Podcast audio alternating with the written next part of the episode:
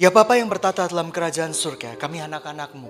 Biarkan pemberitaan firmanmu pada siang hari ini menjadi pemberitaan isi hatimu.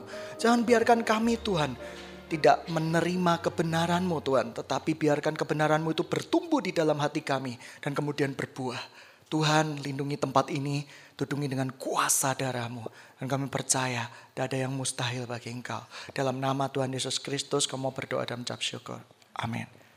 Mari kita buka firman Tuhan di dalam Galatia 1 ayat 6 sampai dengan ayatnya yang ke-10. Saya bacakan Galatia 1 ayat 6 sampai dengan 10. Aku heran bahwa engkau begitu lekas berbalik daripada dia yang oleh kasih karunia Kristus telah memanggil kamu dan mengikuti suatu Injil yang lain.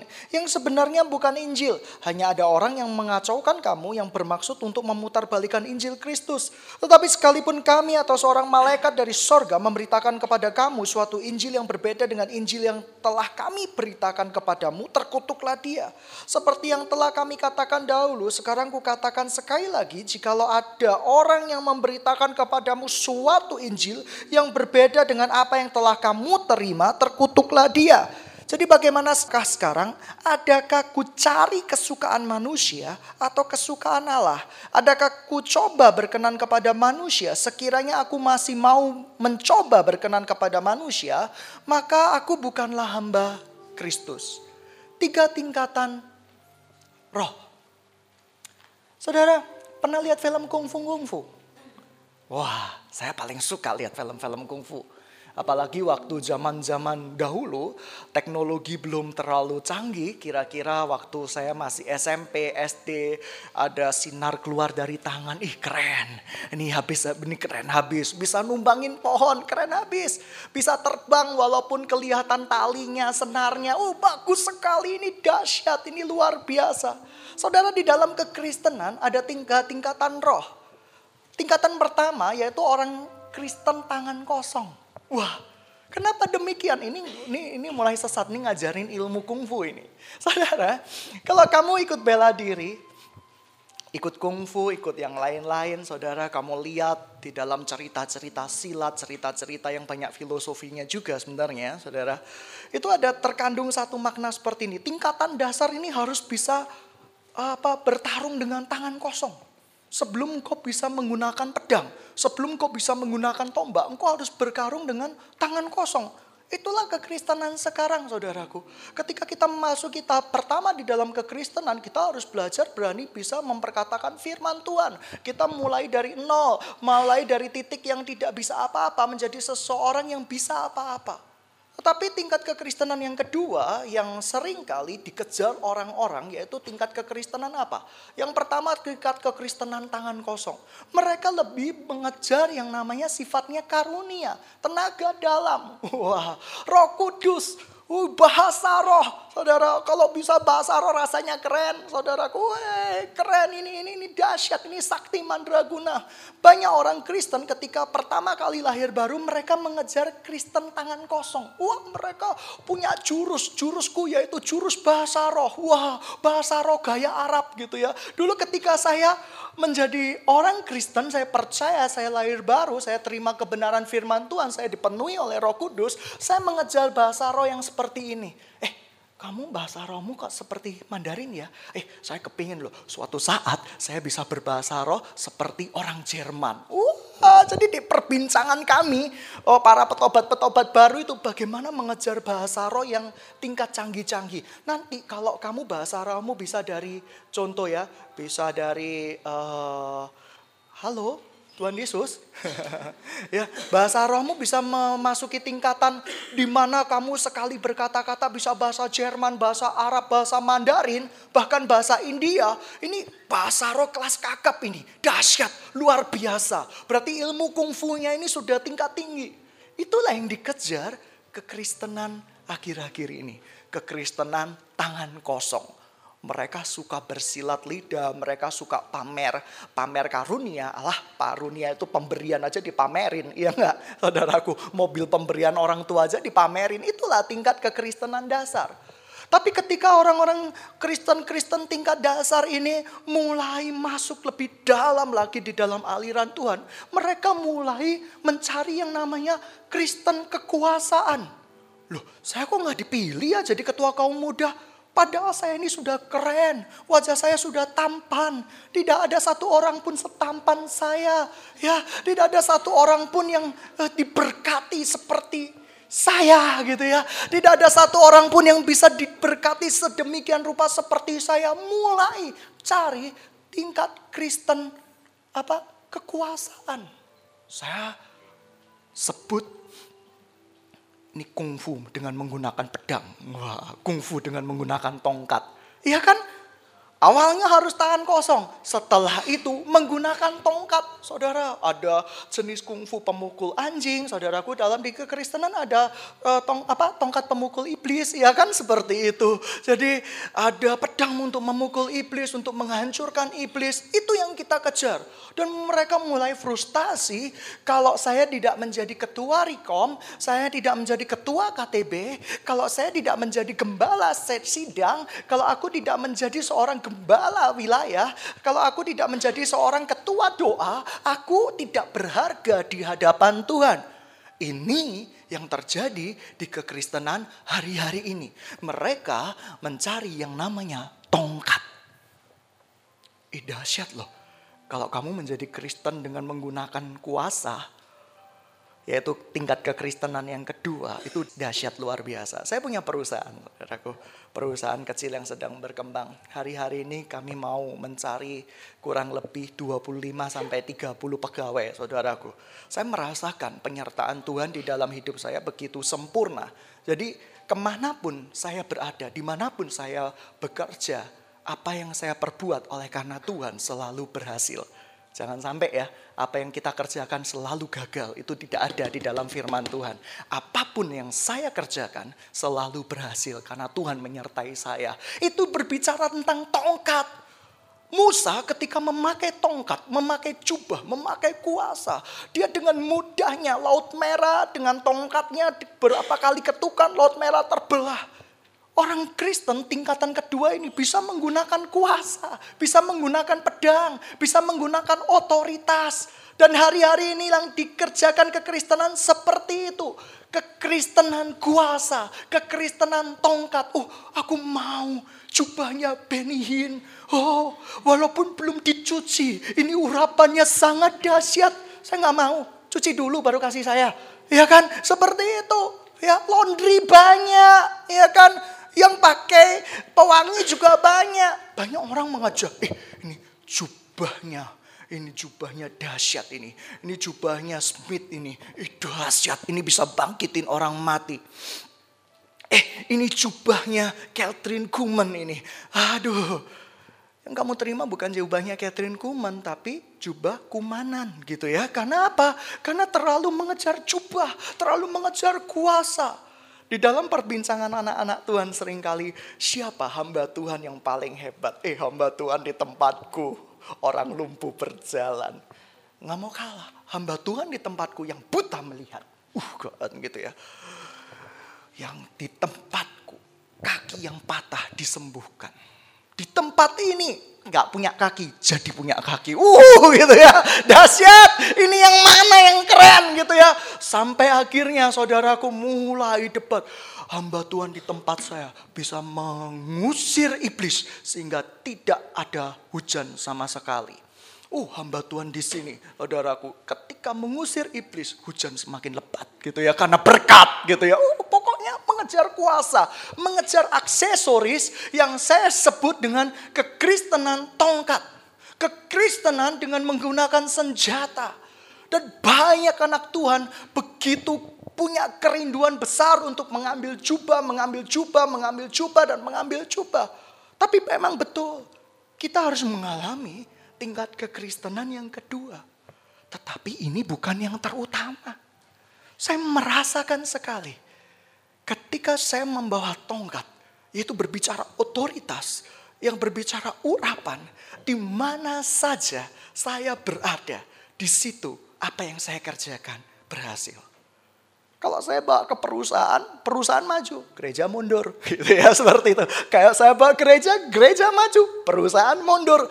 Saya berkata ini ini stres, saudaraku. Harus ada orang yang betul-betul dari tangan kosong berusaha untuk mengambil tongkat pengurapan. Betul, tapi itu bukan tujuan utama kita. Dan banyak orang berusaha untuk mencari tongkat Musa. Eh dahsyat, tongkat Musa hari-hari ini ditemukan. Kamu mau ke museum, bayarnya mahal untuk melihat tongkat Musa. Padahal cuma tongkat yang demikian jelek, kayu, panjang. Ya, dan itu dipamerkan hari-hari ini. Nah, saya mau kasih tahu, kekristenan yang benar adalah kekristenan yang mencapai tahapan yang ketiga nanti saya akan ceritakan. Mau menjadi orang Kristen dengan kuasa? Amin. Punya kuasa dong. Apa yang kamu perbuat selalu berhasil. Jangan sampai IP dari dulu 1,9. Wah, penyesalan. Mending 1,9, 1,3, 1,1 gitu ya. Terus semester kedua Tuhan ampuni aku, aku akan bertobat, berusaha keras Tuhan. Semester depan naik 1,4, 1,5 dan akhirnya lulus. Akhirnya dua. Tapi ini membuktikan apa yang kita pekerjakan belum tentu selalu berhasil. Berarti kamu nggak punya kuasa kekristenan yang benar, apa yang dikerjakan selalu berhasil. Ada nggak di firman Tuhan? Dan anak-anak yang menjadi anak kesayanganku, apa yang dikerjakan selalu gagal, selalu menjadi pecundang, dan selalu menjadi nomor belakang. Nggak ada kan? Tapi firman Tuhan berbunyi, karena Tuhan menyukai dia, Tuhan melihat hatinya, apa yang dia lakukan selalu berhasil. Saudara, di film-film kungfu, kamu lihat yang tingkatan paling master itu tingkatan yang paling banyak jurus atau tingkatan yang berdiam diri? Berdiam diri. Saya lihat saudara, saya dulu pecandu film kungfu. Ya, saya lihat orang yang jenggotnya panjang, jenggot panjang ini luar biasa. Saya tidak pernah melihat film kungfu, saudaraku. Orang yang jenggotnya panjang, yang kelihatannya tua, itu banyak aksi. Uh, gitu ya, tangan kosong gitu ya. Justru orang yang banyak aksi itu ilmunya citek, ilmunya rendah. Kamu lihat di dalam film-film peperangan, ada kan satu, ada duel antara satu orang dengan satu orang lain lagi. Ini yang sudah tingkatan master, yang ini pemula. Mainkan semua jurus-jurus ular gitu ya. Jurus monyet gitu ya. Jurus cabut ketombe, jurus make up gitu ya. Jurus facial gitu ya. Atau jurus apa ya? Jurus ion, luruskan rambut gitu ya. Ah, semua jurus dipakai. Tetapi apa yang terjadi? Ketika melawan tingkatan master, semua huruf pakai tendangan tanpa bayangan, bayangan tanpa tendangan atau apa pun lah gitu ya. Tendangan tanpa kaki, tendangan tanpa apa. Tetapi yang tingkatan master ini cuma gini. Saudaraku, mereka ketika putar-putar kakinya cuma diantem sekali, tok, cet, uh, pingsan. Nah, justru kekristenan yang banyak pola, banyak cuap-cuap yang mengatakan di sini penuh kuasa Tuhan, di sini banyak pengurapan, di sini banyak yang namanya apa ya mujizat-mujizat itu kekristenan tingkat citek. Saudaraku, itu kungfunya hanya menguasai kungfu dasar. Kungfu monyet, mungkin karena dia monyet ya. Kungfu ular karena dia merasa ular gitu ya. Kungfu guguk dan yang lain-lain. Tapi yang kedua, ya kan? Yang hebat yaitu kungfu kedua, yaitu jurus di dalam Tuhan jurus kedua, kekristenan kuasa. Amin. Amin. Pernah nggak saudaraku jurus kera dikalahkan oleh tongkat pemukul kera? Amin. Amin gitu ya. Jurus ular dikalahkan oleh tongkat pemukul ular. Makanya kekristenan tongkat dong ya. Ya seperti itu. Sekarang jurus apa? Jurus bangau. Tongkat memukul bangau. Jurus anjing. Tongkat memukul anjing. Lo menang kan? Kekristenan nomor dua yaitu kekristenan dengan kuasa. Powerful. Ketika ada orang macam-macam, ya aku punya karunia gini, karunia gini. Tapi orang Kristen dengan punya kuasa, dia berkata, diam kamu. Kamu bukan melakukan yang darangnya dari Allah. Kamu melakukan Injil sendiri. Dengan kekuatan sendiri, bukan dari kasih karunia. Inilah Kristen tingkatan kuasa. Tapi orang Kristen tingkatan kuasa ini bukan menjadi tujuan. Sampai suatu saat saya mengalami hati Bapak. Hari-hari ini saya tak berhenti menangis setiap kali saya doa. Karena Tuhan berkata seperti ini, mau nggak kamu dari kekristenan tingkat tongkat. Kasihkan tongkatmu kepada banyak orang. Kamu akan kunaikkan kalau kamu mau menjadi tingkat kekristenan tahap ketiga dan tahap akhir. Saya bingung sama Tuhan. Maksudnya apa? Saudara, saya sering kali bukan karena hobi film silat saya mengilustrasikan dari film silat. Tapi percaya tidak percaya, tiba-tiba Tuhan itu mungkin karena sudah kebingungan mengingatkan saya. Jadi dia mengingatkan dengan film-film yang saya ingat gitu ya. Ketika saya merenung gitu ya, dia bilang sama sini, Daniel kamu kan dulu suka pecandu film-film silat kan? Dia berkata seperti seorang suhu, seorang guru. Itu biasanya bertapa kan? Amin. Bertapa kan? Bertapa di dalam goa, keluar asap walaupun tuh asapnya dari bakar-bakaran gitu efeknya seperti itu. Tapi ini kekristenan tingkat tinggi ada nggak seorang guru umak aja saudaraku, uh ciat ciat gitu ya, tongkat pemukul anjing berubah gitu ya. Seperti itu. Ini tidak ada. Tetapi seorang guru lebih banyak bermeditasi. Dan ketika saya diingatkan seperti itu, maukah kamu mencapai tingkatan yang ketiga? Melepaskan kuasa, melepaskan tongkat, menjadi tingkat kekristenan, yaitu namanya tingkat kekristenan penuh keintiman dengan Tuhan. Intimacy. Wow. Saudara, kalau kamu di tingkat ini, Tuhan ceritakan. Dan saya mulai merasakan, kamu tidak peduli dengan tongkat apa pun. Kamu nggak peduli. Kamu pernah punya urapan apa pun, bahkan kalau itu pun mau diambil, silahkan, saya nggak peduli. Tapi mulai dengan tingkat yang namanya tingkat seorang mempelai yang begitu intim satu sama lain. Di dalam pernikahan, pernikahan apa pun itu, selalu berkata, I am yours, aku milikmu, ya enggak? Dan kamu milikku. Itu sebuah kata-kata yang nggak bisa dipungkuri.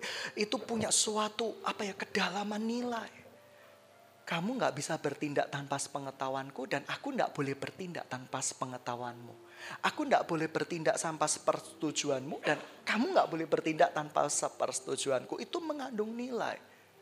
Kedekatan saudaraku. Saudara kedekatan bukan berarti uh, melakukan apa hubungan biologis punya anak. No, itu bukan kedekatan. Saudara, kedekatan itu berbicara punya nilai lebih. Keintiman, pembicaraan, conversation. Ada seorang suami istri yang gak pernah bisa punya anak seumur hidupnya. Tapi mereka bahagia. Kenapa? Ada conversation, pembicaraan. Di dalam bahasa aslinya, kata intimacy itu begitu, mengan, begitu mengandung nilai. Begitu dalam. Ada. Kamu bicara cuma dengan bahasa tubuh, saudaraku. Saudara, lucu. Ketika ada seorang misionaris, dua orang misionaris suami istri, dia punya tingkatan intimacy yang kuat keintiman yang begitu kuat. Ketika mereka dibicarakan satu sama lain, mereka mau dihukum mati. Suami dan istri ini berpandangan. Tapi dari pandangan matanya, mereka bisa berbicara ribuan kata. Dan suaminya ketika mau dihukum mati, suaminya ketika ngelihat wajah istrinya cuma mantuk-mantuk gini aja. Mereka melakukan conversation, mereka melakukan pembicaraan. Tapi tingkat pembicaraan penuh keintiman. Justru orang yang gak intim, bicaranya ngawur. Kamu cantik. Hidungmu, hidung terindah di seluruh dunia. Ngece nih, ngece gitu ya. Hidung saya pesek kok gitu ya. Kok hidung terindah gitu ya. Wajahmu seperti baby face. Baby face atau baby face? Bilang, bilang terus terang gitu ya. Ah, gendut gini dibilang baby face, babi ya gitu ya. Wah seperti itu. Mulai dari sana, mulai dari sana. Tapi ketika kita dekat sama Tuhan, pada suatu peristiwa, ketika Tuhan datang untuk mengingatkan saya, untuk mengemban tugas yang lebih berat, Tuhan tidak datang dengan ribuan kata-kata. Dia cuma datang dengan jubah kemuliaannya yang sangat putih, saudaraku bersinar, berkilau, persis yang diceritakan di Alkitab. Wajahnya seperti matahari yang begitu bersinar terang dia cuma menjumpai saya. Dan dia cuma terdiam. Tapi matanya itu loh. Ada ribuan kata-kata bahkan puluhan juta kata-kata. Saya nggak bisa membela diri. Saya hanya bisa berkata, Tuhan, terjadilah sesuai dengan kehendakmu. Itu tingkat kekristenan yang harus kita kejar, keintiman. Saya sudah tidak peduli dengan kedudukan. Saya mau Tuhan bawa saya ke sana. Saya tidak peduli dengan betapa baik karunia yang saya miliki. Membangkitkan orang mati pernah. Saudaraku, menumbuhkan daging pernah. Ngusir setan, kegemaran saya. Makanan saya. Punya jurus pemukul setan berkali-kali saya gunakan. Saya perintahkan setan pergi dan dia pergi sungguhan. Saudara, mau menghentikan hujan, pernah saya bereksperimen waktu angkatan Maharu. Tapi Maharu kapan saya juga agak lupa. Bukan karena saya tua, karena begitu banyak yang harus saya ingat. Waktu itu hujan lebat. Saya cuma berkata dalam tiga detik hujan pasti berhenti. Ayo kita hitung bersama-sama. Satu, dua, tiga, berhenti. Hujan pun berhenti. Hebat tidak pawang hujan bisa melakukannya. Saya bukan mau kategori pawang hujan. Saya nggak mau disamain pawang hujan. Dukun hujan. Uh gak enak kan? Seperti itu. Pada waktu di zaman kisah para rasul. Saudaraku. Ada seseorang yang bernama Simon. Dia petobat dia sudah mengenal Kristus, tetapi dia melakukan mujizat-mujizat dengan kekuatannya sendiri, dengan sihir, dengan ilmu psikologi. Ya, hari ini kamu akan lebih baik dan lebih baik. Ya, setelah kamu membuka mata, engkau akan terasa begitu sehat. Itulah Simon. Dia bukan menggunakan kuasa, tetapi dia menggunakan ilmu sugesti, ilmu psikologi. Sehingga ketika ada seorang rasul yang melakukan mujizat-mujizat dengan luar biasa. Seorang lasur, kalau nggak salah ingat namanya Filipus. Dia melakukan kuasa, kuasa, kuasa. Akhirnya apa? Simon ini keder juga. Pengikutnya udah banyak. Dia bilang sama Filipus, Filipus, karunia membangkitkan orang mati kamu mau jual berapa? Saya keluarin cek ya, tumpangin tangan di saya ya. Saya keluarin cek 1 M cukup? Gitu ya. Oh dia mulai karunia mengusir setan. Saya mau beli itu. Tumpangi tangan saya. Banyak orang yang bisa transfer karunia dengan ditumpangi tangan. Asik kan? Asik. Punya karunia. Karena karunia itu pemberian. Tapi percuma semakin kamu banyak karunia, tapi kamu semakin berbuat dosa, iblis yang ada di dalam diri kamu semakin lama semakin banyak. Dan akhirnya nggak bisa keluar lagi karena terlalu banyak. Amin. Barang siapa orang yang berbuat jahat, iblis yang lebih jahat akan masuk ke dalam dirinya. Nah, saudara, Simon dibentak sama Filipus. Filipus berkata seperti ini, Hai Simon, apakah engkau menjual kuasa Tuhan dengan uang? Terkutuklah engkau. Puji Tuhannya Simon bertobat. Punyakah kalian keintiman? Itu tingkat-tingkatan roh.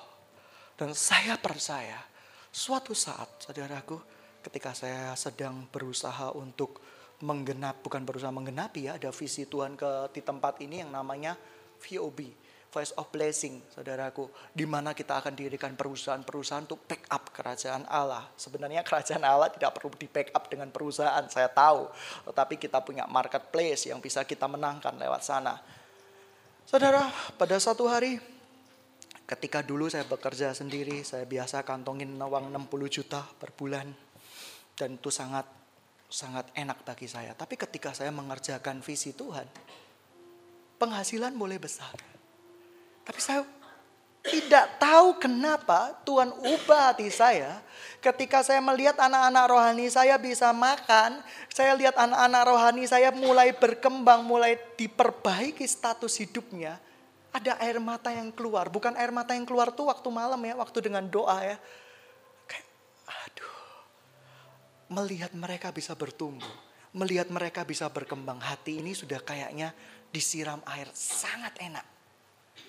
Saudara, ketika saya lihat anak jasmani saya bisa makan, bisa main, saudaraku saya biasanya suka beli kesenangan saya buku-buku di, di tempat saya bukunya buku perpustakaan, buku rumah, buku ilmu santet gitu ya dulunya.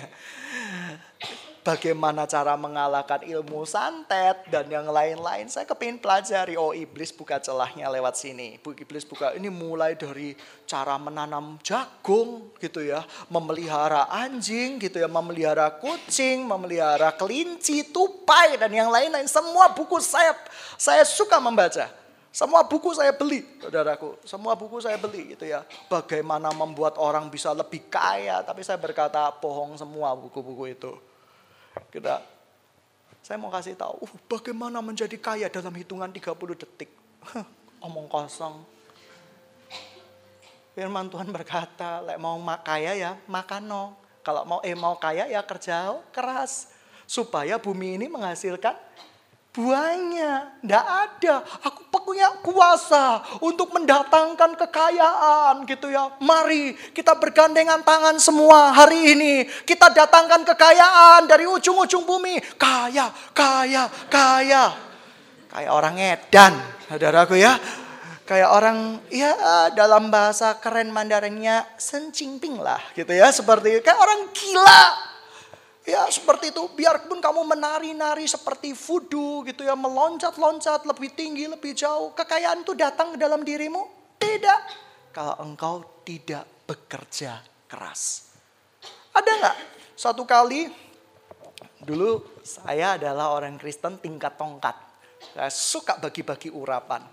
Apalagi kalau mahasiswa-mahasiswa menghadapi ujian. Saudaraku, saya paling suka bagi-bagi urapan. Angkat tanganmu, Terima urapan loh, itu urapan beneran, bukan bohongan, beneran. Saudaraku, ya terima urapan yang membuat IP-mu bisa naik. Wah biasanya langsung, uh angkat tangan semua. Uh, dahsyat, terima urapan. Tuhan berikan urapan itu, roh konsentrasi. Kenapa? Sebagian berhasil, sebagian besar gagal. Karena mereka setelah terima urapan, aku udah diurapi gitu ya.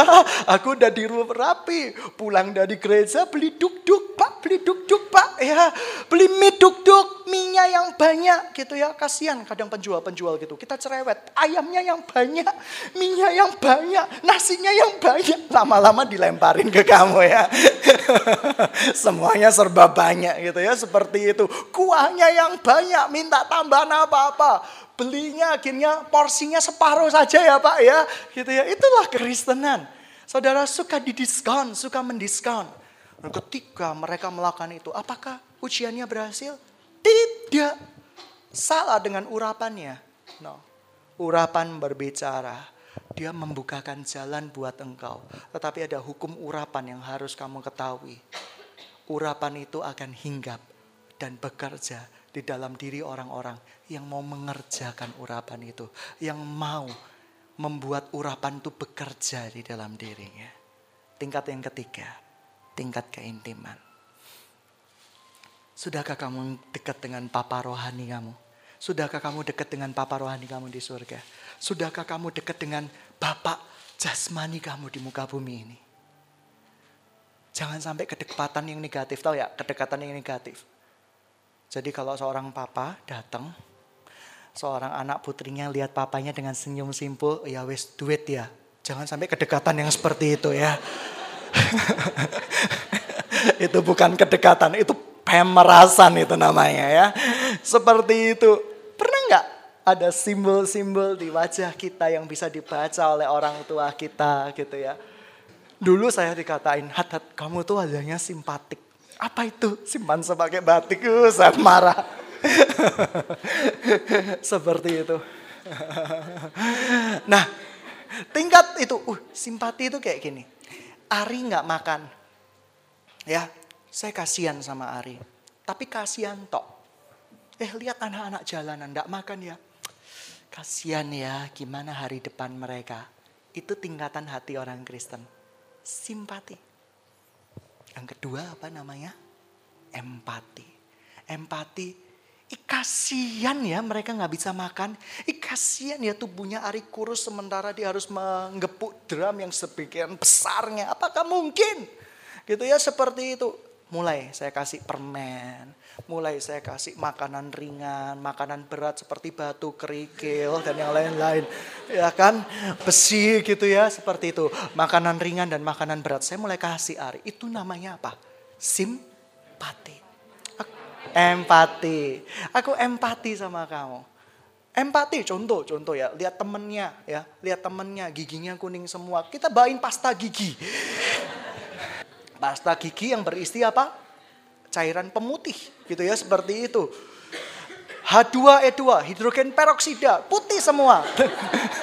Termasuk gusi-gusinya. Termasuk lidah-lidahnya putih semua. Ya, seperti itu. Loh, serius? Ada temennya teman saya. Ya, dia mempraktekkan, tapi mempraktekkan ilmu secara sepihak. Dia tahu hidrogen peroksida itu bisa mengangkat kotoran dan memutihkan. Dan dia kumur dengan giginya. Untungnya dia campur dengan air. Jadi larutannya eh, ppm-nya nggak terlalu besar lah gitu ya. Hasilnya apa? Dia tunjukin giginya putih semua gitu ya. Termasuk lidah, termasuk gusi gitu ya. Seperti putih semua. Dan katanya ada ribuan semut di giginya. Hmm gitu ya. Itu akibat orang orang apa ya? Orang yang menganggap satu informasi benar dan diambil yang lain. Jangan sampai coba-coba ya pakai hidrogen peroksida ya. Seperti itu. Karena dia melepaskan hidrogen dan terjadi oksidasi di dalam gigi kamu. Gitu ya, seperti itu. Berikutnya, saudaraku, ada tingkat hati orang Kristen yang paling dalam. Yaitu yang saya namakan compassion. Tahu nggak compassion itu apa? Compassion tuh kayak gini. Ari sakit, Ari nggak punya uang. Saya nggak sakit, saya nggak punya uang. Saya duduk bersama-sama Ari. Yuk kita nggak makan sama-sama yuk. Karena sama-sama nggak punya uang. Itu kompasi? Bukan. Itu nasib.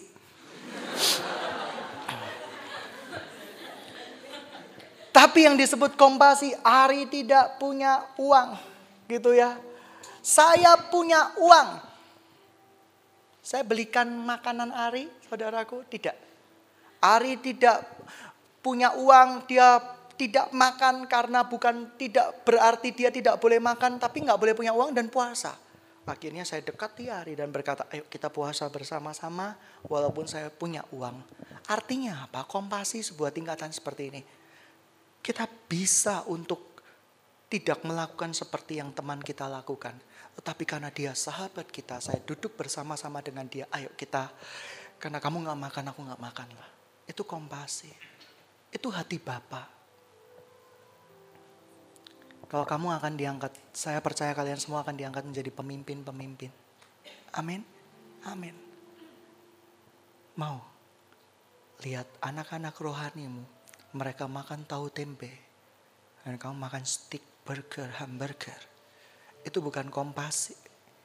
Itu namanya, saudaraku, sentimen. Itu namanya apa? Egois. Itu namanya apa? Saudaraku tidak punya simpati, tidak punya rasa kemanusiaan sama sekali. Tapi ada tingkatan kompasi yang paling tinggi. Compassion yang paling tinggi. Compassion tuh kayak gini loh. Ari, kamu gak punya rumah. Saya sudah cukup menikmati rumah saya. Tak kasih no ke kamu. Tuhan bilang, kalau anak Tuhan mengajar tingkatan roh yang ketiga, dan anak Tuhan mengejar tingkatan hati yang ketiga, ada great revival yang akan terjadi buat bangsa ini. Hari-hari ini saya tidak mau mengajarkan karunia, saya tidak akan terlalu banyak ajarkan kalian tentang roh kudus, karena roh kudus sudah punya ketika saya ya percaya kepada roh kudus.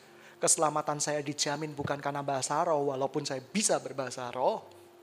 Karena keselamatan saya dijamin di dalam nama Tuhan Yesus Kristus. Yesus yang benar, sesuai dengan Injil yang benar. Tuhan berkata, miliki kompasi, miliki hatiku supaya kamu melihat dengan cara pandangku. Ingat dua pengintai dan sepuluh pengintai. Amin cara pandang 10 pengintai ini parah.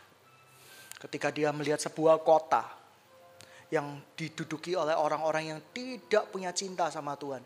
Sepuluh pengintai itu berkata, itu kejam, itu jahat, itu itu tidak bisa dimenangkan, sudah musnahkan aja, menurunkan api dari surga membakar kota itu.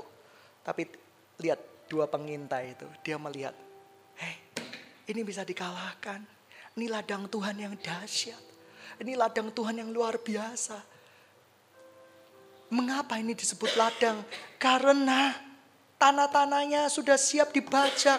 Sehingga mereka semua bisa terima Injil damai sejahtera Injil Kristus. Di sebuah pulau saudaraku, saya pernah tahu sebuah cerita di sebuah pulau. Yang didiami oleh orang-orang yang tidak punya apa tidak punya sepatu. Ada satu orang marketing yang hebat berkata, oh ini kesempatan supaya mereka punya sepatu. Sedangkan yang lain dia berkata, eh orangnya nggak punya sepatu, mana mau beli sepatu kita. Saudara, itulah dua pengintai. Mereka belum dengar Injil Kristus. Di sini bukan ladangmu, di luar ladangmu. Justru mereka perlu siap-siap dibajak, ditabur, akhirnya dituai. Amin, amin. Itu ladang Tuhan. Bagaimana cara memperoleh tingkatan yang ketiga? Lupakan yang telah lalu. Ada kalanya di dalam hidup kita, kita melakukan hal-hal yang ngesili, tahu sili? Bodoh, konyol. Dan itu sering kali dipakai iblis untuk memfitnah, menghancurkan, menembaki kita. Dan saya mau kasih tahu, cukup saudaraku kita semua orang tidak lepas dari dosa. Kita semua orang pernah buat hal-hal yang konyol. Tapi Tuhan berkata masa lalu adalah tertutup oleh apa? Oleh firmanku. Ah, kamu dibenarkan oleh firmanku. Yang ada yaitu kamu yang sekarang dan masa yang akan datang. Tutup lembaranmu di masa lalu. Tutup. Kalau kamu tidak pernah menutupnya, engkau tidak akan pernah mendapatkan yang terbaik dari Tuhan.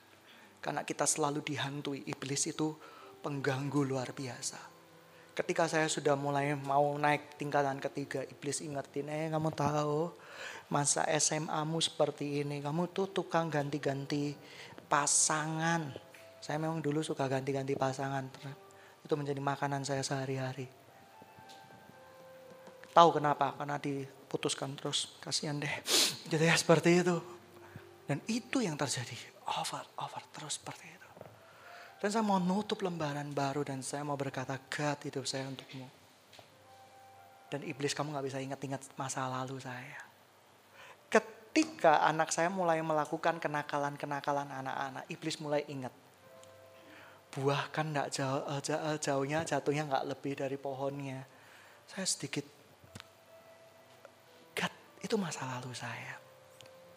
Anak saya dibesarkan dengan firman Tuhan. Dan dia akan menjadi penginjil yang luar biasa. Saya perkatakan itu. Saya tidak biarkan kesempatan iblis dengan menyerupai siapa pun. Saya nggak berkata teman-teman teman-teman iblis semua tidak gitu ya, tapi kadang iblis secara tidak sadar memakai teman-teman untuk menghancurkan anak-anak Tuhan. Masa lalu tutuplah. Jangan jadi orang Kristen gila kekuasaan. Gila tongkat. Sebab tongkat Musa bisa beralih ke orang lain. Tapi keintiman tidak akan pernah bisa berhari. Seorang suami yang istrinya meninggal dan seorang istri yang suaminya meninggal. Mereka punya deep apa ya? Punya perasaan yang betul-betul keintiman yang sangat mendalam, saudaraku. Sampai seumur hidup ketika suaminya itu masih ada di muka bumi, dia selalu akan ingat istrinya. Dia akan selalu ingat istrinya. Rumahnya mungkin boleh berganti ke tangan orang lain ya. Tapi kenangan, memori, kehangatan saudaraku dan keintiman itu yang gak pernah bisa dibeli oleh siapa pun. Saudara, engkau boleh mobilmu dijual. Engkau boleh sepeda motormu dijual Kau boleh rumahmu dijual karena mengikut Kristus. Dan yang kamu bisa beroleh bersama Tuhan. Di situ ada sebuah lagu yang berkata, Tuhan bertemu muka dengan muka, aku memelukmu, aku mencintaimu, engkau adalah hasrat yang paling tinggi. Kejadian itu adalah hasrat yang paling tinggi di dalam diri umat manusia. Termasuk para rasul, termasuk rasul Paulus. Kurang lebih dia berkata, aku khawatir kalau kekhawatiranku ini melihat kamu lebih buruk daripada semula. Dia punya kerinduan. ketika nanti Yesus mengangkat dia, nama dia dipanggil dan dia diangkat dari kuburnya dan masuk ke dalam bersama-sama dalam kerajaan yang kekal. Saudara, itu hasrat kita. Perkawinan anak domba. Perkawinan di bumi cuma sementara. Amin, 20 tahun, 30 tahun kematian memisahkan kita. Tapi kalau Yesus beda, justru kematian yang mempersatukan kita bersama dengan dia. Di udara, di sorga. Saya cuma mau katakan, biarkan hasratmu yaitu intim dengan Tuhan, dekat sama Tuhan. Kita sama-sama belajar. Saya belajar. Dan untuk belajar, kalian akan dipukul berkali-kali. Ditendang berkali-kali. Supaya engkau berkata, hidupku bukannya aku lagi di Galatia, tapi Kristus yang hidup di dalam aku. Amin. Mari kita tundukkan kepala kita. Hari ini siapa di antara kita yang mau berkata, Tuhan, aku mungkin sudah petobat baru. Tuhan mungkin aku masih punya ikatan, mungkin aku masih punya ketergantungan, mungkin aku punya dosa yang masih belum kubereskan. Aku mau berjalan di dalam tingkatan-tingkatanmu. Aku mau melalui Kristen tangan kosong, Kristen dengan tongkat. Dan terakhir Tuhan, Kristen dengan keintiman. Tapi bukan tongkat yang kami kejar, tapi keintiman yang kami kejar. Berapa banyak yang mau berkata kepada Tuhan, ya Tuhan, aku mau dekat dengan Engkau. Ketika aku dekat dengan Engkau, kuasa pun mengalir. Siapa di antara kita yang mau berkata, Bapa bahwa aku lebih dekat dengan engkau. Bahwa aku dengan keintiman dengan engkau. Sehingga ketika aku melihat engkau dan engkau melihat aku ada begitu banyak cerita yang sedang terjadi. Kalau engkau mau, angkat tangan kananmu saja. Saya akan berdoa buat engkau masing-masing di tempatmu. Supaya engkau punya kedekatan, punya keintiman dengan Tuhan. Sekarang biarkan roh kudus, roh yang maha suci itu, yang ada di dalam dirimu sekarang, mengalir seperti aliran air. Biarkan dia membuat hatimu meluap dengan cinta, meluap dengan kasih. Sebab tujuan akhir hidup kita bukan kuasa, bukan kejayaan, tapi kedekatan dengan Tuhan.